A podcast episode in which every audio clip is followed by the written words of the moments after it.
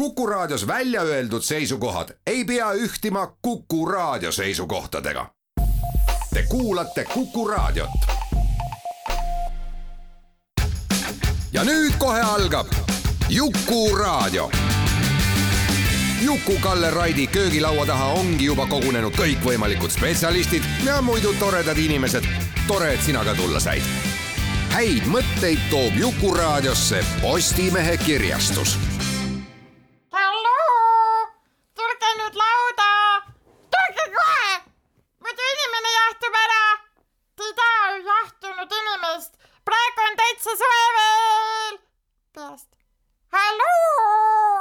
tere, hea Jukuraadio kuulaja, ilusat neljapäeva õhtut, kell on seitse.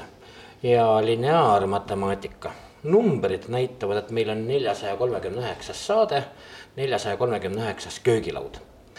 Ja kui eh, eelmisel nädalal õnnistas meid oma kohalolekuga rahandusminister Anneli Akkermann, mis eh, oli üsna lustlik lugu, et eh, me muidugi ei keskendunudki niivõrd palju pekki kukkunud rahandusele, mis siis Anneli arust võib-olla ei olegi nii väga pekkis, et defitsiiti võiks vähendada.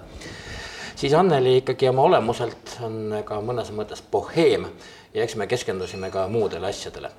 aga mm, kuigi rahandusminister on seotud poliitikaga, siis seetõttu pidime ka poliitikast rääkima. täna räägime ka natuke poliitikast, aga hoopistükkis läbi äh, kunsti, kusjuures mitte üldse läbi elitaarse kunsti, vaid äh, võib-olla sobiks meie tänast köögilauda kokku võtma lause, et ütleme siis kunst massidesse ja kuna mm, siin on tegemist ka ajalooga, siis me muidugi saame aru, et tegemist on plakatikunsti ja propagandakunstiga.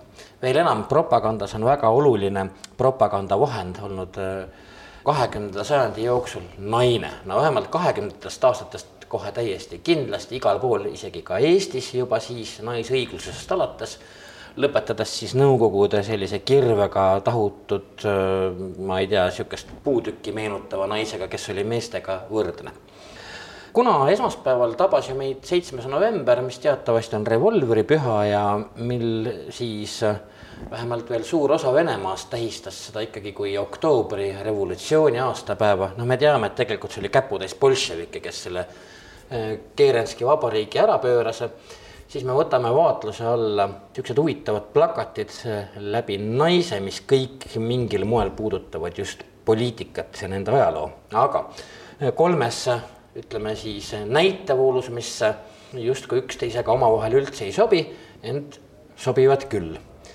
nimelt Maarjamäe lossis, mis teatavasti on siis Tallinnas ajaloomuuseumi filiaal, seisab üleval niisugune lahe näitus nagu Plakatinaine, mis siis kätkeb endas kolme riigi või noh, ma isegi ei ütle riigi, vaid isegi suundumuse naisi, mis on siis plakatitele kujundatud ja see on siis pange nüüd tähele, Taani, Hiina ja Eesti NSV, et niisugune huvitav kooslus.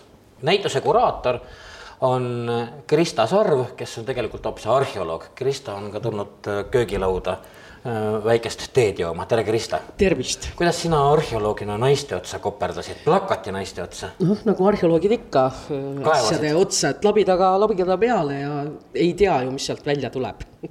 et see näituse lugu on äh, sihuke pikem, läheb tagasi katku kahe algusesse, et see on sihuke kaheaastane protsess, kui kui Taani Kultuuriinstituut Baltikumis siis võttis ühendust ja ütles, et noh, neil on nagu ripakil üks näitus mis koosneb Hiina naisteemalistest plakatitest, Taani naisteemalistest plakatitest ja et nad sooviksid, et need plakatid on ilusasti rullis seal nende kontoris äh, laua all ja et nad sooviksid kontorit natuke koristada, et et kas meis äratab mingisuguseid tundeid. ja järg-, me, meisse äratas mingisuguseid tundeid, sest Ajaloomuuseum just oli ka mõelnud sellel teemal, et, et noh, et meil on selline äh, eh, Maarjamäe loss, kus see asi toimub, on ju, on ju asutatud kunagi revolutsioonivõite pühitsema ja nii edasi, on ju, et see, seda identiteeti õnneks praegune Maarjamäe loss. no ta oli Orlovi suvemõis tegelikult Su. suvemõis oli jah, tema algselt, aga siis ajaloo keerdkäigud viisid ta lõpuks kahe, seitsmekümnendate aastate keskpaiku siis sellise kultuuri, kultuuriteenistusse ja siis otsustati, et järjekordse venestamislaine sellises algfaasis, et, et see, see koht tuleb nüüd üles ehitada ehitada revolutsioonivõitude ja sõjakangelustegude ülistamiseks. kõik need kommunistlikud pannood, värgid. ja, et sellest telliti, telliti Evalt Okaselt pannoo Rahvaste sõprus, mis kubiseb naisfiguuridest, mida käisid kõrged genossed tsenseerimas, sest Nõukogude naise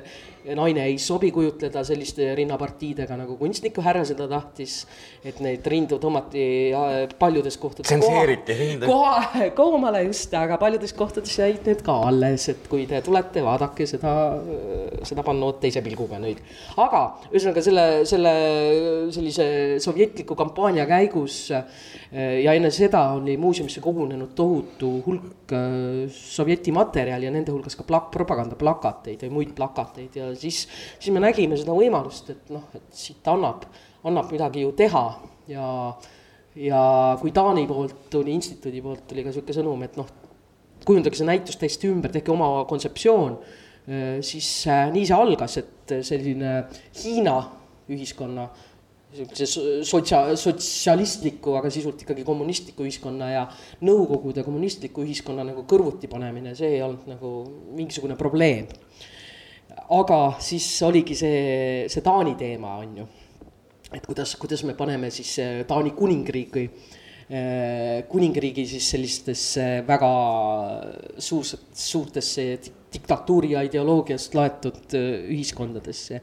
ja siis Taani, Taani poolt peale, peale arukaid siis siukseid online näituse tege, tegemise koosoleku tuli siis sihukese vasakpoolse radikaalse radikaalse liikumise idee, et nii-öelda need punasukad.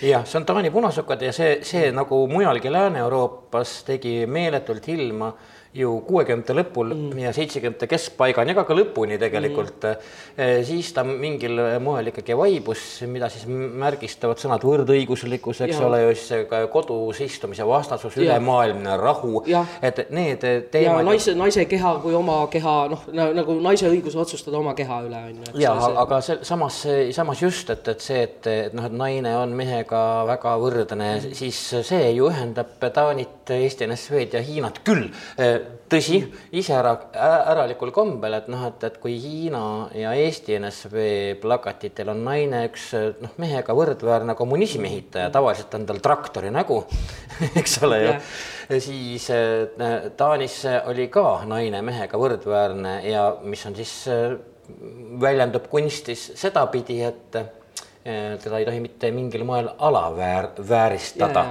et need, need, see aspekt ühendab tegelikult neid. jah, just ja see tegelikult ka see, see ikkagi see vasakpoolne, sest Taani, Taani naisliikumine, see on nagu suur ja lai ja seal on nagu vo, voole, voole palju, aga just see radikalism. selle punasukkade, mis see liikumine sai New, New Yorgist alguse ja muuseas Me Too liikumine on ka sealt puna, punasukkade riistmetelt saanud natukene siis noh, see punasukkad olid laiem liikumine on ju, globaalsem liikumine, sealt tuult tiibadesse. no seda ütleb, et juba termin punasukk. jah, just, kusjuures nad olid vastand sinisukkadele yeah., kes, kes olid siis need neetud intelligendid, on ju. kes kohvitassi ääres ajasid sihukest parempoolsemat naiste asja, on ju, et, et see oli sihuke, see oli ka selles lääne, vabas lääne ühis, ühiskonnas mingi vastandumine. aga nende Taani punasukkade loosung jube hästi klapib nagu selle Hiina ja Sovjetimaa äh, loosungiga oli see, et ei ole klassivõitlust ilma naiste võitluseta ja ei ole naiste võitlust ilma klassivõitluseta.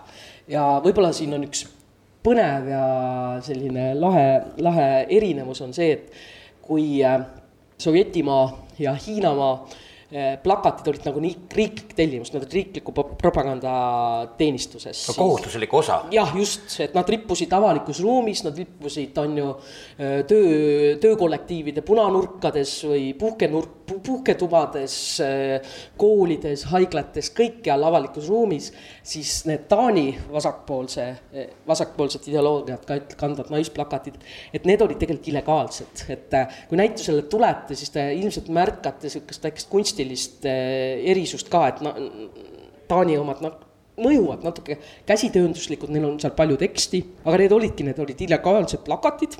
kuna punasukkade põhiline, alguses eriti oli põhiline võitlemisvahend oli meeleavaldus. siis ongi neid pandi niimoodi illegaalselt nagu kõmm mingisugusel hetkel üles mis andsid teada, et noh, tulge nagu ülehomme, ülehomme meil siin meeleavaldusele. et teemaks on siis see nai-, nai-, naise võrdõiguslikkus, teemaks on see palgalõhe, sest see oli ka töölisklassi liikumist nagu sihukest tugevalt puudutav. ja siis, siis need korjati ära ja need plakatid sai tegelikult tänu sellele, et üks sihuke Taani Äh, Taani naistemaja sihuke vana partisan, vana võitleja oli need äh, mitte nagu ära visanud, vaid saanud aru ajaloo, ajaloo fikseerimise olulisest, olulisest ja ta oli nagu kokku need korjanud, et need tulid nagu noh. sealt nad välja tulidki? jah, jah, et sealt siis need taanlased, taanlased nagu said need plakatid kätte, et me seal töö käigus seal selgus, et mõni plakat oli näinud, et siis ta vaatas nagu nii-öelda pöönikult veel materjali üle ja leidis asendusplakateid, et. et noh, et selles mõttes on see Taani eh, ühest küljest ideoloogiliselt nagu sarnane eh, see sõnum on ju see klassivõitluse sõnum ja see naise emantsipatsioon ja see, see võrdõiguslikkuse sõnum aga et see meetod on hoopis teine, et üks on illegaalne, teine on riigi poolt tolereeritud. no seal on ka üks niisugune kusagil seitsmekümnendatel, mina nüüd, sa kindlasti oskad mul selle aasta ära parandada, et, et kui Taani naised Kopenhaagenis mingi maja ära skvattisid, lõpuks ka raha kokku kogusid, noh, sellest ongi siis nüüd saanud mingi naiste ja laste, väärkoheldud naiste ja laste niisugune mm -hmm. abikeskus, väga fine, väga tore mm. -hmm et, et siis ta seda asja nii palju ei kandnud, siis ta oli ikka niisugune võitlusemaja, niisugune staap, noh, et, et. jah, et aga, aga see, see võitlus nagu noh, ma ütlesin, see hakkas natuke sihitult seal Taanil peale, et noh, avaldame meelt, käratseme, on ju, röögime endale need õigused välja, on ju, aga tõi, tõid nad ka siis vana hea Clara Zetskini äh, selle lause, et tegelikult nagu iga, iga naine peab olema poliitik ja seal näitusel on ka väljas siuksed plakatid, mis kutsuvad naisi kokku eh, rääkima oma lugusid. Ja seal on nagu, nagu äh, sihuke slogan ühel plakatil, et tee isiklik poliitikaks. Ja siis, siis nad nagu hakkasid nagu natuke selles mõttes organiseeruma, et ei olnud ainult meele, meeleavaldus, vaid nad hakkasid nagu PR-i tegema ja, ja nad hakkasid poliitika poole vaatama, et nad organiseerusid, et seda sõnumit, sõnumit edasi viia kuuekümnendate aastate lääs, eriti Põhjamaad, paistis selle poolest ju silma küll ja näiteks eriti Soome loomulikult, noh, mis elas Nõukogude Liidu kõrval ja kus oli olnud ka tegelikult ajalooliselt üsna verine kodusõda kahekümnendatel mm., no mida eh, meil oli vabadussõda mm., siis Soomes võib seda nimetada ikkagi kodusõjaks, kus tõepoolest äh, riik jagunes ikkagi kahe, kaheks plokiks, punased ja valged mm, -hmm. noh, ütleme väga laias laastus ja kus oli ka siis naistel hästi oluline roll kanda, kuuekümnendate aastate taistoleised näiteks mm. -hmm. et need naistebändid, kes laulsid siis ka ülemaailmsest sõprusest loomulikult ja lõppkokkuvõttes radikaalsema osaga neist naistest nõudis siis ühinemist Nõukogude Liiduga ja kogu muu see jama, noh et et niisugune vasakpoolne trend oli kuuekümnendate lõpul üleüldse tegelikult üle Euroopa väga, väga levinud, väga moeasi. see tuli koos mingi hipindusega. kusjuures see Soome tagasiminek, et äh, tegelikult see noh, see naisliikumine, see globaalsem naise liikumine, et sellel on väga vanad juured aga noh, siin sajandi alguses Taani on muuseas olnud öö, suur suunanäitaja, et näiteks tuhat üheksasada kümme toimus sotsialistliku naisliikumise, noh, sotsialism oli siis see, see nii-öelda see ilmapäästja, on ju. Taanis veel ei saanud naine valida, Soomes sai. jah, just, et seal toimus nagu esimene selline koos, konve-, suur naisõiguslik konverents, kus, kus oli esindajad seitsmeteistkümnest riigist ja seal nagu, seal nagu hakati seda esimesest maist naistest rääkima, naistepäevast, et need on need pühad, mis nagu sovjeti ajal tehti selliseks noh, sihukeseks nelgi ja noh, sihukeseks amööbseks pühaks, et nagu austame nagu naisi, austame nagu töölisi. austame, austame naistöölisi tegelikult, naist... sõnum oli ju selline, et naistreialid, naistraktoristid, naiskombainarid, naisteha, tehase töölised, mingid naftavutjad ja. üks teema oli ka see, et naistele see valimisõiguse hääleõiguse andmine on ju, et Taani muuseas sai tuhande üheksasaja viieteistkümnendal sel aastal Venemaa pidi ootama revolutsiooni ära ja siis Lenini pande on ju andis kaheksateistkümnendal aastal naistele naistele selle hääleõiguse, aga sealt see, see selline. no Nõukogude Liidus hääleõigus muidugi on nii no, nagu ta noh, ütleme ja, et nooremale vaatajale peab seletama, et Nõukogude Liidus parlament ei olnud töökoht, vaid nagu auamet, kus aeg-ajalt tuldi kokku ja hääletati üheksakümne üheksa koma üheksa protsendi ulatuses asjade poolt, on ju.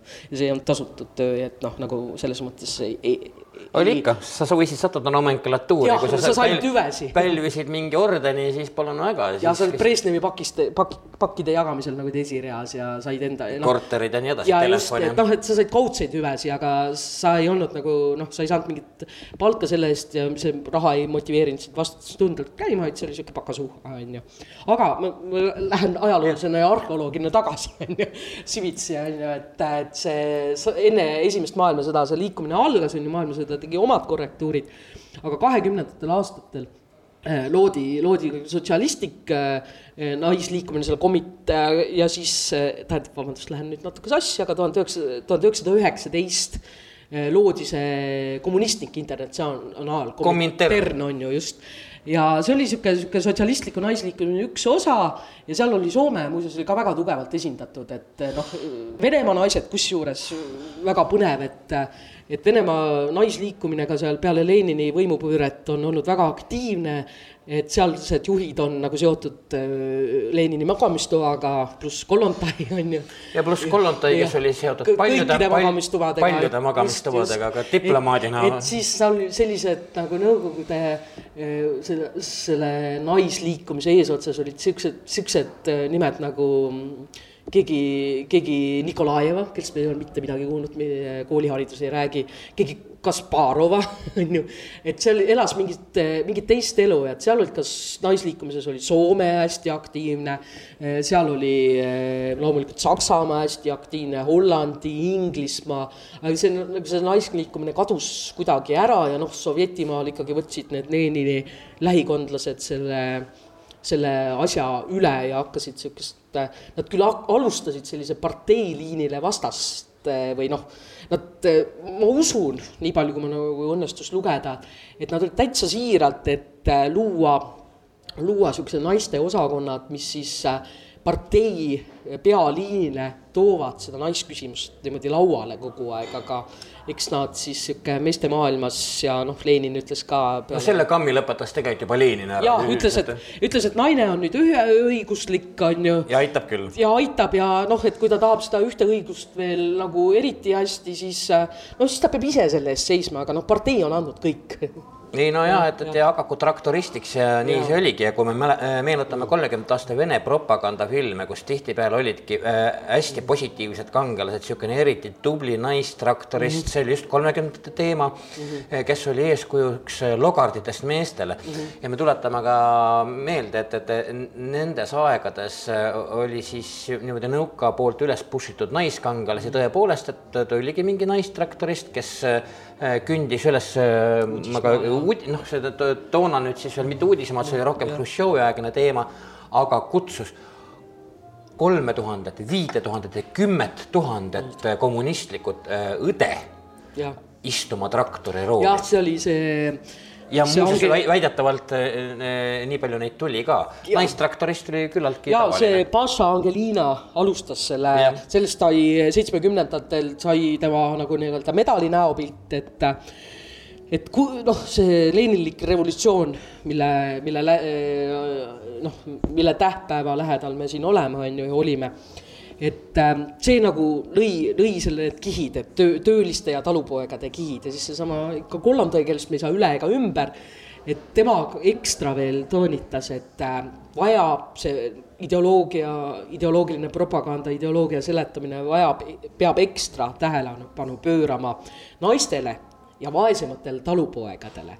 Et uue revolutsiooni. ta võrdsustas nad ja, ja võrdsustas, uus revolutsioon tegelikult noh, kes noh, oli klassivõitlusest initsieeritud ja ja nagu kukutas äh, valitseva klassi, äh, lõi tegelikult uue klassi kus siis noh, jätame selle partei nomenklatuuri nii-öelda sinna, aga kes lõi siis nagu nii-öelda tööliste ja talupoegade klassi ja see, see klass ei olnud ka noh, nii-öelda nad ei olnud redeli ühel pulgal, vaid töölised olid äh, kõrgemal, kõrgemal, talupojad madalamad ja siis talupoegade sees need traktoristid äh, eriti naistraktoristid, need siis äh, olid siis nagu kõrgema reitinguga, et nad olid nagu peaaegu sama head nagu töölised, et noh, need äh, lüpsjad ja karjakud, et noh, see, see oli nagu saast ja, ja selle, nende selle promomiseks nagu nähti vaeva, et seesama Passa mm, Angelina, kes viiekümne üheksandal aastal suri noorelt, aga ta tegi sada tuhat sõbrannat. jah, sada tuhat sõbrannat traktori, traktori rooli taha, jah. jah, ta sai ilmselt sinna kakssada tuhat ja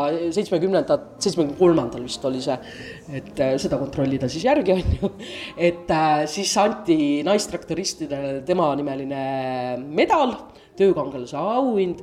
Ja tasu oli siis see, et kolmsada rutsi nagu peopessa, mis oli täitsa korralik summa, sest ma mäletan, mingi ema sai mingi kuuskümmend rutsi ja, palka, on ju, medtöötajana. Ja kohtumine kosmonautiga. Et äh, ja äh, olles neid traktoristide mälestusi lugenud, siis see, see viimane oli nagu eriti innustav, et, et inimesed tahtsidki kosmonautidega kohtuda. muidugi. ja et Eesti, Eesti NSV-s on ju, kes siis neljakümnendatel nagu integreeriti sellesse üldisesse Sovjetimaa sousti on ju, et, et siis oli seal kaheksasada traktoristi olnud, kellest ka väga paljud äh, said neid, äh, neid hüvesi on ju, neid seda aumärki on ju, et aga noh, tegelikkuses äh, tuleb nagu välja, et ega ega see naine sinna traktorirooli ei olnud nagu väga, väga oodatud, et ikkagi see konkurents ja mehed ikka suhtusid nagu üleolevalt, et mul endal on täitsa isiklik mälestus sellise traktori, traktoriõppe ja trak-, naistraktoristiks olemisega, et mu väga värvikas tädi, kes nüüd on küll teispoolsuses, et tema õppis niisuguses toredas koolis nagu Kehtna parteikool ja mulle sattusid tema päevikud kätte, kus ta on siis elu Kehtna parteikoolis kuuekümnendatel kirjeldanud kahekümne aastase noore inimesena, et et see parteikool oli tegelikult põllumajanduskool, kus õpetati kõige juures muidugi partei ajalugu, siukseid keskkooli aineid, keemiaid, füüsikaid, matemaatikaid, keeli on ju, kirjandust agronoomiat, veter-, veterinaariat ja siis ka auto juhtimist ja traktori, traktoristiks saamist, et. et ma mäletan tema sissekandeid, kus ta noh, ta nagu oli natuke elukunstnik, elas sihukest mõnusat toredat elu, aga selle traktori tunni kohta, kui ta enamustes tundides ta nagu viilis siis traktori kohta, tunni kohta ta on nagu kirjutanud, et jah, et tuleb minna, et naisterahvas peab saama hakkama, et ma pean saama kasvama iseseisvaks naiseks, kes suudab juhtida autot ja parandada traktorit. Ja sellega oli nii, et muidugi suhtuti äh, stereotüüpselt naistesse sitasti, eks meestel ja. oli kummaline, et noh, et justkui meeste ala, tulevad mingid mutid ja virutavad käest ära. vähe sellest võivad olla veel tublimad ka, eks ju, on äkki kohusetundlikumad, no joovad vähem viina näiteks, mis oli. või kannavad paremini. või, või kannavad paremini. enamasti nad jõid ikkagi vähem viina, kui mälestusi lugeda. aga siinkohal meenub hästi üks oluline finess, et noh, et, et mis on meeste ametiks peetud, ega mehed siis nagu naisi pole väga hästi vastu võtnud ja kui me, me läheme nüüd päris kahekümnenda sajandi algusesse, siis see oli vist Tallinna Teataja, no see ei ole nüüd väga tähtis, kas ta oli või oli ta mingi muu Tallinna leht, aga seal on siis niisugune tore äh, Äh, lugu äh, aastast tuhat üheksasada seitse või, või jah, et, et on igal juhul peale viienda aasta revolutsiooni katset oli see lugu, kus oli intervjuu esimese Tallinna naisvoorimehega kus too siis, äh, noh, see oli ka ju meeste amet, noh, sa pidid kuusteist tundi pukkis istuma mm -hmm. ja ega üldiselt naised sinna väga ei kippunud. ja noh, ja, ja suvel kuumas, talvel külmas mm, -hmm. sügisel lörtsis sitas, kevadel samamoodi. et noh, üsna jõhker amet oli see voorimehe amet aga siis see tubli eh, naisvoorimees, siis see kirjeldas ajakirjanikule, kui sitasti temasse meeskolleegid suhtuvad mm.. noh, et esiteks eh, ka üritavad eh, seal rattaid küljest ära monteerida, sõimavad, siis ei anna talle seisuplatsi -hmm. kõikvõimalike epiteetidega, et, et -hmm. mida sa siin teed, kao pesukööki ja, ja nii edasi ja üldiselt äh, ka ajaleht, see oli ikkagi Tallinna Teataja, paneb siis nüüd küsimärgi alla, et huvitav, et me kahjuks ei tea, mis sellest naisvoorimist edasi sai, vähemalt mina ei ole seda Tigari arhiivist üles leidnud, kas temaga siis on veel mingi kontrollintervjuu, kas suhtumine läks paremaks mm -hmm. või halvemaks.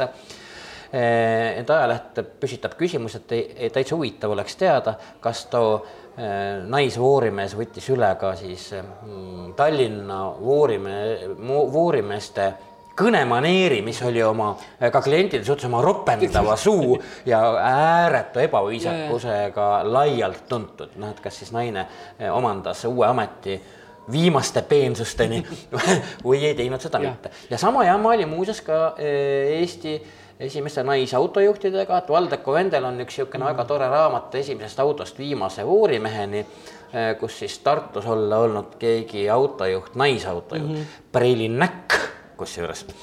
Preili näkk, kes selle ise kurdetakse ajalehes ja seda teevad juba lugejad, et kuidas üks, üks ainus Preili näkk, niisugune õblukene daam, teeb oma autoga rohkem müra ja suitsu kui kakskümmend meesautojuhti kokku.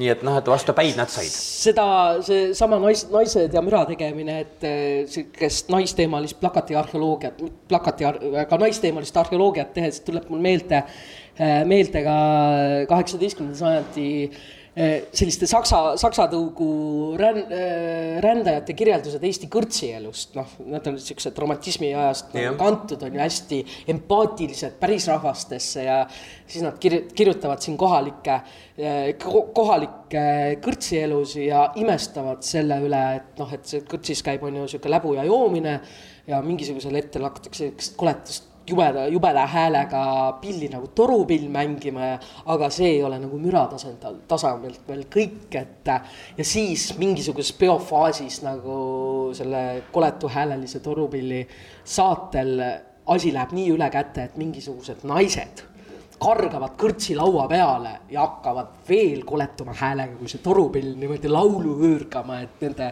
siuksed empaatilised kõrvad isegi ja noh, et on näha, et on tunda, et see kirjutaja tahab hästi-hästi sõbralikult äh, suhtuda, et ta nagu otsib sõnu, et seda veidrat kommet niimoodi viisakas värvis sünd- äh, äh,, kirjeldada. ja kui me Eesti kõrtsi kirjeldusi üheksateistkümnenda sajandi, kahekümnenda sajandi algusest loeme, aga miks mitte hiljem ka restorani kirjeldusi, siis me peame ütlema, et miski inimlik ei olnud Eestis elavale naisele võõras. jah, ja, ja, ja no mis seal salata, see siukse käreda kõrtsinaise kuvand nagu see kuidagi nagu elab tänase päevani just. ja, me teeme siin ühe pisikese pausi, meie tänaseks Juku-raadio köögilauaks andi sajandi Maarjamäe lossis, see on Eesti Tallinnas asuv ajaloomuuseumi filiaal, seal üles riputatud näitus Plakatinaine, mis siis äh, räägib Taani, äh, Eesti NSV ja Hiina Rahvavabariigi naistest plakatitel ja loomulikult selle taustaks olevast ideoloogiast ja ajastutest, nii et niisugune kolmnurkne väga huvitav kombo on. Krista Sarv, kes on selle näituse kuraator, on meil siis äh, täna siin sellest pajatamas ja me tuleme mõne hetke pärast tagasi. Te olete Kuku raadio lainel ja kuulate Jukuraadiot häid mõtteid toob Jukuraadiosse Postimehe kirjastus. Jätkame siis neljasaja kolmekümne üheksandat äh, Jukuraadio saadet. Ja Krista Sarv on siin, kes on riputanud Maarjamäele, kes esimest plokki kuulas, juba teab, näituse Plakatinaine, mis siis on Äh, noh, me võime öelda, et propagandaplakat, kus on kasutatud äh, naissugu, naiste nägu ja, ja teemasid, mida siis kas partei arvas, et äh, naised peaksid esindama või siis see on siis Eesti NSV ja Hiina näol või siis Taani näol jälle, et mida siis naised peaksid ise esindama või nagu mm. sa ütlesid, et tee oma isiklikust asjast poliitika. ja me, kuna me muidugi ei jutusta pilte ümber, raadiopilti ei näita ka, et näitust läheb küll igaüks ise vaatama siis ähm, me räägime, ütleme naiskuvanditest kahekümnenda sajandi jooksul, me jõudsime tegelikult juba sajandi algusesse ja niikaua, kui me siin väikese pausi tegime, me leppisime Kristaga juba kokku, et me teeme sellele samale äh, plakati naisele ka teise saate osa järgi, nii et, et mitte ainult tänane neljasaja kolmekümne üheksas köögilaud, vaid ka neljasaja neljakümnes tuleb sellel samal teemal, sest me saime ise ka aru praegu, paratamatult me seda teemat äh, ühe saatega ja. ei ammenda. aga me jõudsime jah, tegelikult me jõudsime naisautojuhtideni ja naistraktoristidesse, kõik tuli, naistraktoristid on ju näitusel plakatil mm., et eks ole. Elmina Otsman on e, just. oma töö selle tööpunalipu ordeni ja, ja kõigega seal esindatud. ja muuseas EKA, äh, Eesti Kunstiakadeemia tänane meister äh, Mesikäpp on niisugune graafik on selle plakati teinud mm., mina nägin seda muuseas esimest korda. ja see on tegelikult üks sihuke plakatite sari ja, ja, ja mis seal salata, et selline, ma võtsin selle plakati alguses välja vale.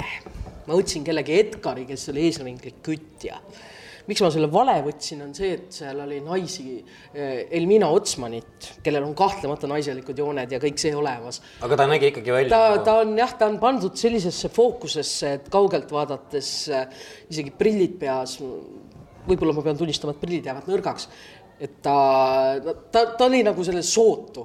tegelikult see Lenini poolt loodud riigi suur eesmärk oli ju sootu ühiskond ja antud hetkel see Elmina Otsmani traktoristi kuvand nagu võis öelda, et seal ei ole tähtsust, kas sa oled mees, või naine, näed samamoodi välja, teed, pead samu ameteid ja, ja nii edasi, eks ole, et, et enam-vähem niisugune. nojah, et, et see, see, see no, naiste toomine niimoodi traktori rooli, naiste toomine elek-, ehitusele, see oli nagu Sovjetimaal ja Hiinas oli väga-väga sarnane, on ju. et äh, kolmekümnendal, kui Nõukogude Liit hakkas äh, indrust-, indrust-, industrialiseerima. Pikk sõna vastu õhtut on öelda, äh, siis oli tööjõudu vaja ja siis hakati seda, seda nii-öelda seda üheõiguslikkust, mida Lenin ütles, et see on nüüd revolutsiooniga käes, on ju, et elage selles või surge, on ju. et hakati seda välja tooma, naised muutusid propaganda sihtgrupiks, äh, sihtgruppi saab, on ju, kõige parem haarata sama sihtgrupi liige, siis tulid need naised, naised aktiivselt äh, välja ja sa kahekümnendatel äh, loodi selline proletarka mm, kujutlus. on ju, kui sa ka siin eelnevas äh, pooltunnis äh, mainisid, et noh, et paljud niisugused Nõukogude plakatinaised on nagu kivist välja tahutud meesnaised yeah.. et siis, siis loodi selline proletarka, kes on täiesti ilus inimene ilus naine, arusaadav naine. et see siis pidi ka olema siis selle sihtgrupi naised kõnetaja, et need, need meesnaised, need jäidki nagu traktori need, rooli või rahuvõitlejateks. Need tulid hilis, veidi hiljem ja, ka, sellepärast kui me nüüd räägime veel, ütleme nõukaaja algusega veel, kus oli dadaistlikke jooni, Nõukogude plakad ja kunstis igal pool siis naine võis olla naiselik ja väga enesekindel mhm. sealjuures ja ei, ja ei erinenud suurt midagi, ütleme sellest kuvandist, mida siis, mm, mida kultiveeris näiteks Euroopa ja ka mm -hmm. USA mhm. naisõigusus, absoluutselt mm -hmm. mitte ja sinna läks ju ka ideoloogia, kui me eelmises, esimeses pooles rääkisime ka Aleksandra Kollontaist mm, -hmm. eks ole, kellest me ei saa üle ja ümber, kes oli Lenini lähivõitleja ja ja elu lõpuni Nõukogude diplomaat mm, -hmm. kelle rollid igasugustes diplomaatilises mahhinatsioonides olid ikkagi pehmelt öeldes mitte ainult väga märgatavad, vaid väga jõulised ja Nõukogude Liidule kahtlemata vajalikud mm, -hmm. et noh, Kollontai mhm. seda rolli etendas ma tuletan ka meelde, et Kollontai oli üks nendest, eh, nendest ja põhiline nendest, kes siis üritas pidada läbirääkimist talvesõja asjus, eks ju, läbi Norra, kui ta, kus ta oli mhm. Nõukogude Liidu suursaadik ja nii edasi. et tema tegeles lõpp, lõpuks eh, maailmapoliitikaga, oma isiklikus elus elaski ta muidugi seda, mida ta aastal näiteks tuhat üheksasada üheksateist ja kakskümmend propageeris, absoluutne vaba armastus mm, eks ole ju, täielik vaba armastus mm, iga naise õigus ja vähe sellest, et lõppkokkuvõttes tema oli ka see, kes seisis siis sellise huvitava asja eest nagu siis mees- ja naiskommuunid mm, -hmm. mida Moskvas pidasid näiteks äh, Nõukogude raamatutöötajad, kus siis asi oli isegi nii drastiline, et, et aluspesu oli ühine mitte nüüd meestel ega naistel aga äh, mõte oli selles, mehed ja naised elasid kõik ühes sellises hiigelsuures äh, majas, niisuguses ühika tüüpi majas, mis on Moskvas tänaseni alles mm -hmm. muuseas ja siis äh, olid meesteruumid, naisteruumid, aluspesu ühine, alumisest sahtlist võeti, siis kordamööda pesti, kõik tööülesanded olid, ülesanded olid jaotatud. siis olid vabad ruumid, kuhu siis kas naine või mees võis valida tolleks ööks endale partneri mm. -hmm. abielu muuseas kui sellist ei eksisteerinud neil aastatel üldse. see, see oli nagu ütleme, igan, iganenud vorm või igandlik mhm, vorm mm, -hmm. et noh, et, et niisugust asja polnud vaja enam. jah, vot siit, siit selle jutu pealt tuleb mul meelde paks telliskivi nimega Valitsuse Maja soovitan kõigil lugeda, tõsine ettevõtmine.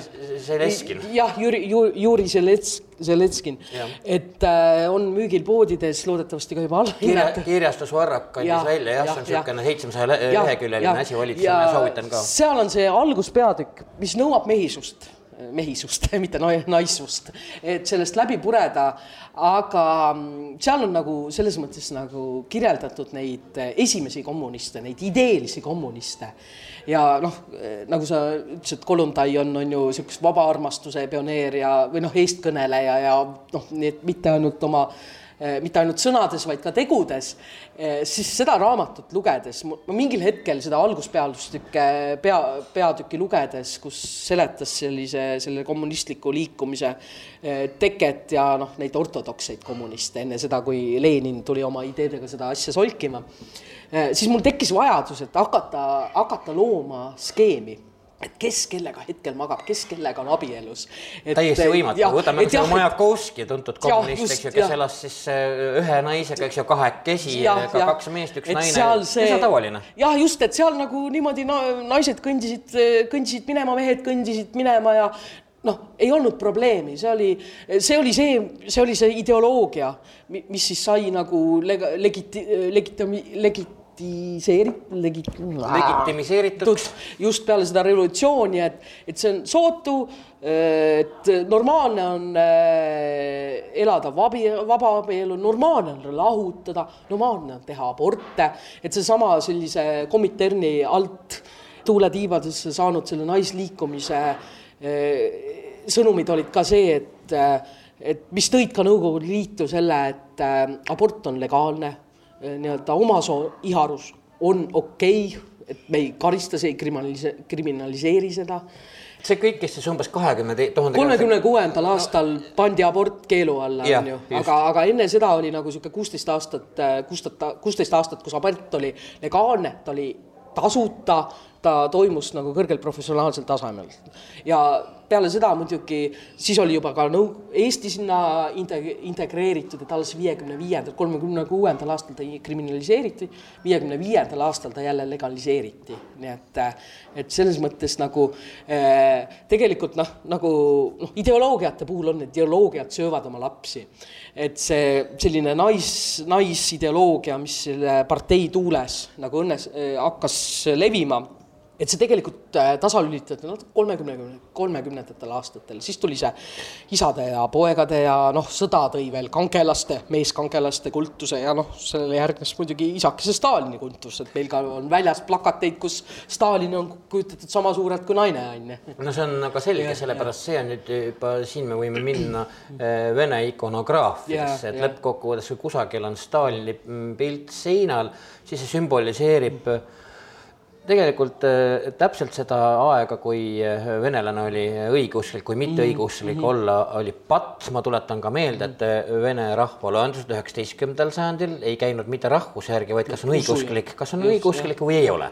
et me ei saa elu sees tegelikult ju teada Eh, palju siis kusagil elas venelasi ja palju muid, sellepärast et lihtsalt oli pravoslavne või nii pravoslavne. see elab ju praegu edasi, et me kõik rahvas, eh, rahvaloendused näitavad, kui palju meil on nagu õigeusklikke, mis on uskumatu arv, on ju. me kõik ei saa olla, ei ole võimalik, on ju aga lihtsalt õigeusk, jah, see on identiteedi osa. aga kahekümnendatel muidugi tõmmati Kollontai suguste, juba kahekümnendatel jah, tõmmati Kollontai suguste sellisele mm, ütleme, piirideta ideele vaba armastusest ikkagi piir peale. jah, abordid tõepoolest keelati tuhat üheksasada kolmkümmend kuus, aga see lõputu kommuun ühe juurest teise mm. jooksmine ja see, et abielu mm. lahutamine on muuseas mitte ainult ei ole tasuta, vaid seal ei ole kahte osapoolt mm., vaid kui üks tüüp on kogemata on abiellunud, kunagi üldse lolli peaga, eks ole ju, siis ja. kõnnib perekonnaseisuametisse, ütleb sorry, ma enam ei viitsi. ja abielu lahutatakse, teist poolt ei kutsuta välja, piisab ainult ühe poole äh, avaldusest. ja see on nüüd veel kahekümnendate esimene pool, kui see kõik nii on. Äh, ja siis ütleme jah, et, et kusagil ütleme Stalini tuleku aegadel äh, kakskümmend seitse, kakskümmend kaheksa, siis see oli juba tegelikult ümber mm -hmm. vaadatud mm. -hmm. nojah, et tegelikult see Lenini lähedane seltskond on ju Ines Armand, Kollontai, et nad kahekümnendatel alguses rajasid sellised naiste, naisteosakonnad, Shen Odell on ju, venelastel on nii vahva see lühendite kasutamine, ülikoolid on ju, Vessoke, mis iganes. et äh, need loodi, äh, ilmselt oli ka vajadus karjuv, miks neid luua, et äh, loojad olid nagu Lenini kommunismi ideoloogia kõige sügavamas sees olevad lähivõitlejad, absoluutselt rajavad, aga nad tundsid mingisugust vajadust, et nagu tegelikult partei vajab niisugust mingisugust sõnumitoojaid ja selleks loodi need nais, naisosakonnad noh, tolleks hetkeks oli Venemaa suur ja lai. propagandiste oli vaja. propagandiste oli vaja, aga noh, nagu see Kollontai sõnad, et naised ja kehvi, kehvik talupojad on, on ju sihtgrupp omaette, aga, aga seal nagu taheti ka probleemidega tegeleda. Mul, mul, mul on, tähendab, jäänud mulje, on ju. ma, ma arvan, sa oled naiivne. ma võin, jah, mul on blond, on ju ja mõtlen inimestest head, aga aga noh, lugedes seda, siis nad natuke saatsid ka korda, vaata ilmselt see noh, Eesti tollel kaheksateistkümnendal nautis iseseisvuse aastaid ja siin naisliikumine oli pigem parempoolne kui vasakpoolne, on ju. et. mis oli ka ikkagi oma, oma, ometigi vägagi olemas. jaa, absoluutselt et, et, et aga seal suures Siberi taigas ja, või Kesk-Aasia avarustes oli ilmselt probleeme palju, et see nais, nais, naisosakonnad siis, mida see Kolontaid ja Inessa Armanid nagu manageerisid, et need allasutused tegelesid väga palju kohtadel selle nais, naiste ahistamise, naiste võrdõiguslikkusega, tegelesid sellise vaesuse probleemiga, mis sunnib naisi prostitueerima, on ju et, et ja noh, nende, nad hoidsid ka seda abordiõigust nagu üleval, aga kolmekümnendatel aastatel siis on ju noh, need jõujooned on nagu muutunud, Stalin oma kambaga on ju tungib peale, hakkab see isakese kultus, et veel kangelase kultust veel ei ole, on ju, sõjani on veel kümme aastat minna et äh, siis pannakse need äh,, need asjad kinni. on nagu tunne, et see on nagu muutunud nagu parteile nagu ebamugavaks. et kurat, ongi mingi teema, et nagu need naised hakkavadki siin nagu, nagu rikkuma meie rasket parteilase elu ja kui noh, kuigi nagu kahekümnendate alguses, et on mingit statistikat, et see selline naiste küsimuse selline partei joone noh, üritamine sinna partei jooneks tuua, on toonud äh, mingisugune kahekümnendatel nagu kuuskümmend tuhat äh, naisinimest äh, niisugustele juhtivatele administrateerivatele töödele ülikoolides, et, et sellel on olnud mingisugune mõju aga see mõju nagu noh, siis isake Stalin nagu tõmbas sellele mõjule nagu teki peale. seal oli veel üks asi, et miks ma ütlen, et võib-olla sa oled naiivne, et kui me ja. nüüd võtame toonaseid äh, annuaale ja ka märkmeid mm. ja kasvõi sellesama Aleksandr mm. Kollontai päevikut, siis seda noh, tema ütleme nii kõrgel kohal naisterahvad said loomulikult aru, miks seda vaja on, punkt ja. üks, eks ole ju, oli embargo Nõukogude Liidu vastu, nii mm. Nõukogude Liit pidi igal juhul näitama, et ta ongi tõepoolest ja. maailma esimene vaba tööliste riik. tõesti on üheõiguslik naised, kui teised veel üritasid. just nimelt, mis tekitas äh, lääne mm. ühiskondades ikkagi täiesti siirast mm. ja ajuvaba vaimustust mm, sellepärast et selle varju jäi Tšeka tegevus, vangilaagrid, mis olid muuseas ka naistele meestele täiesti võrdsed. vähemalt üks koht oli on ju, kus see võrdõiguslik toimis. Nii et ühesõnaga lõppkokkuvõttes partei sai nais, vaba naist kui kuvandina kohutavalt hästi lääne vastu ära kasutada mm., sellepärast et kui me nüüd tuletame meelde USA, Suurbritannia, ka Weimari vabariigi kirjutisi Nõukogude Liidust, kus alati või enam-vähem alati oli üks teema, et tõepoolest, et äärmiselt eesrindlik, et noh, kõik ongi võrdsed, on naised ja mehed võrdsed, eks ole ju, on parteilased ja töölised võrdsed mm. -hmm. et see on siis nagu, et noh, et tuleb veel ette, nagu muuseas ka äh, Nõukogude Liitu külastanud noh, ütleme lääne intellektuaalid möönsid, et jah, et on küll seal vaesus ja pannakse küll kinni ja et noh, et, et võib-olla lastakse maha ka, aga noh, et aga see, see kõik on vabandatav tavaliselt mhm. toonases mm -hmm. leksikas, et noh, et aga praegu siin metsa raiutakse, noh, selge, et mõned laastud lendavad mm. -hmm. et lõppkokkuvõttes lääs ei närinud läbi, et mm -hmm. selle näilise vabaduse taga on tegelikult ainult üks eh, idee lihtsalt eh, kehtestada lõppkokkuvõttes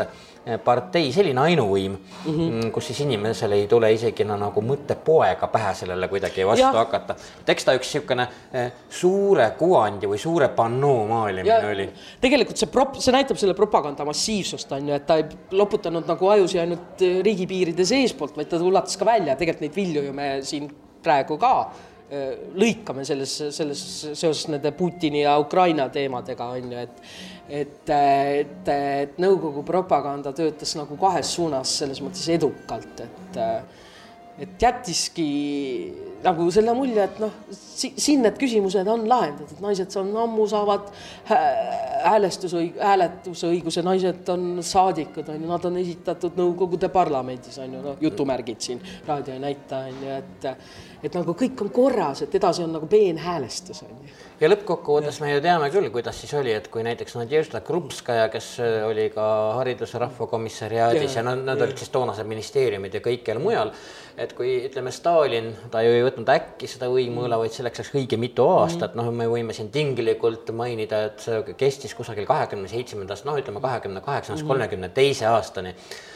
jah, ta pidi kodanikud siin Zinovi ja Kamenini ennem kõrvaldama, onju. jah, et äh, ja lõppkokkuvõttes siis ka, kui Nadežda Krupskaja, Lenini Lesk hakkas millegi vastu ikkagi väga mm. kõvasti mölisema, mis mm. kas toimus tema instituudis, kus ta oli äh, endise siis haridusrahvakomissarina, komissari, komissariaadi töötajana nimekirjas või et noh, et kui, et noh, Lenin ei oleks seda lubanud või, või noh, kui mm. Krupskaja hilisemalt jah, kahekümnendate lõpul, kolmekümnendate alguses märgukirju saatis et noh, et kogu see, ütleme ka siis see võrdõiguslikkuse teema on kuhugi nüüd siis kadunud mm. -hmm. et äh, naistest on saanud tükk mööblit, mida tegelikult mehed olid täpselt samamoodi tükk mööblit, kui mm -hmm. vaja ei ole, viskame välja. jah, aparaadi lisad on ju ja. siis me ju teame, et ilmselgelt, äh, mis on legend, aga noh, et, et seda on nagu nii paljudes kirjades mainitud, et võib-olla seda ei olegi tarvis legendiks pidada, kuidas siis seltsimees Stalin ütles oma kaasseltsimeestele, et kui noh, ütleme siis ma nüüd ei tsiteeri sõna-sõnalt, aga jutu mõte oli siis selline,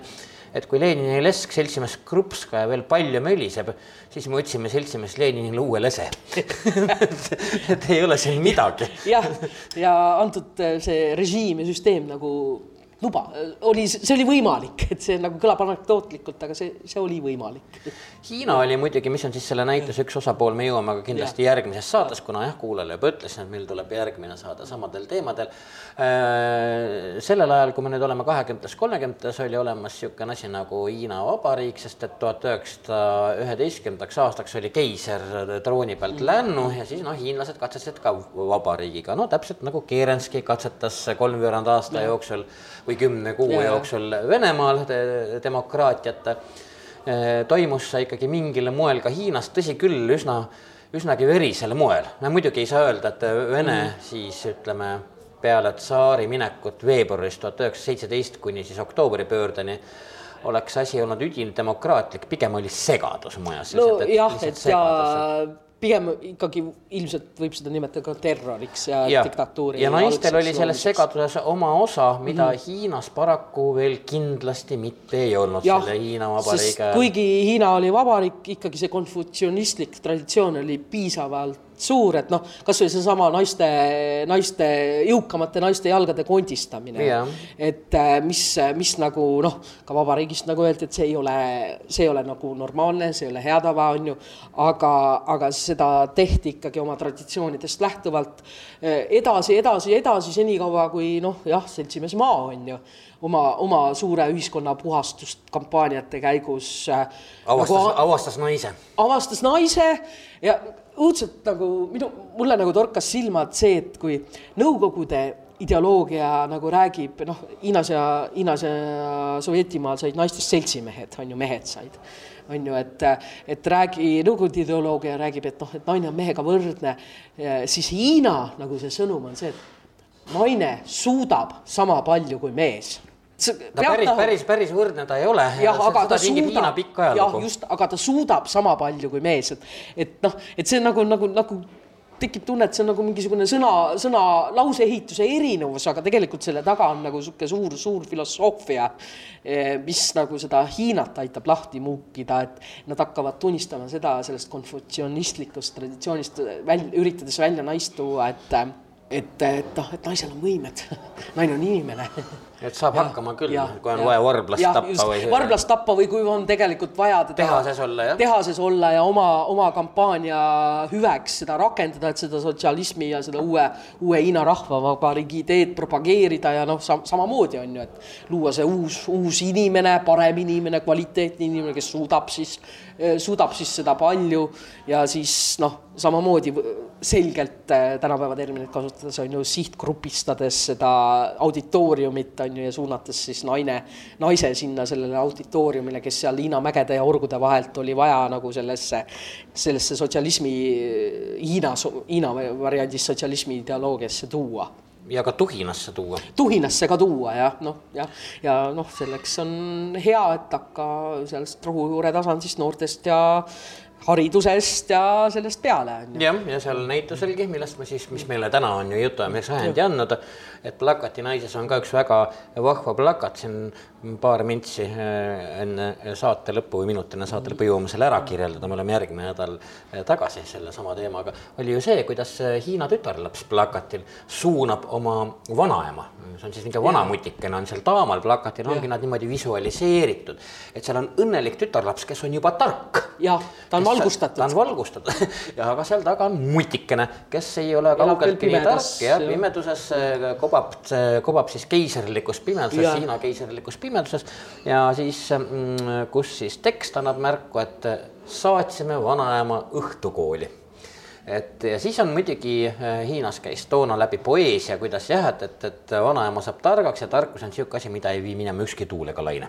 no mis on jumalast tõsi tegelikult. mis on jumalast tõsi, aga see, seepärast tuleb siis ja muuseas need õhtukoolid olid ka Hiinas toona, kui me nüüd, me oleme, me oleme siis hüpanud neljakümnenda, viiekümnenda aasta Hiinasse korraks need olid parteilised kõik, et ega siis seal muud midagi. ja nad olid olnud. ka seotud, on ju nii-öelda kommuuni ja tööstuse arenguga, sest saadi aru, et majanduse Eh, tagasilöögid majanduses on selle tõttu, et inimesed on vähe haritud, nad ei saa aru sotsialismist ja sellest tuleb panustada, viiagi vanaema õhtukooli, et õpetada talle see sotsialism selgeks. nii tuleb, nii tuleb teha eh, see näitus, millest meie siin täna räägime, Plakati naine, eh, on lahti veel äärmiselt isegi tükk aega, võiks öelda. kahekümne kolmanda maini järgmisel aastal Äh, ja me just teeme siis nii, nagu me siin omavahel kokku leppisime, et Krista Sarvega, kes on selle plakati naise kuraator, oleme me järgmine nädal tagasi äh, neljasaja neljakümnendas Jukuraadio köögilauas, kuna vot pole midagi parata, naisi ja olgu nad kasvõi plakatil või kolmes mm. ideoloogias, siis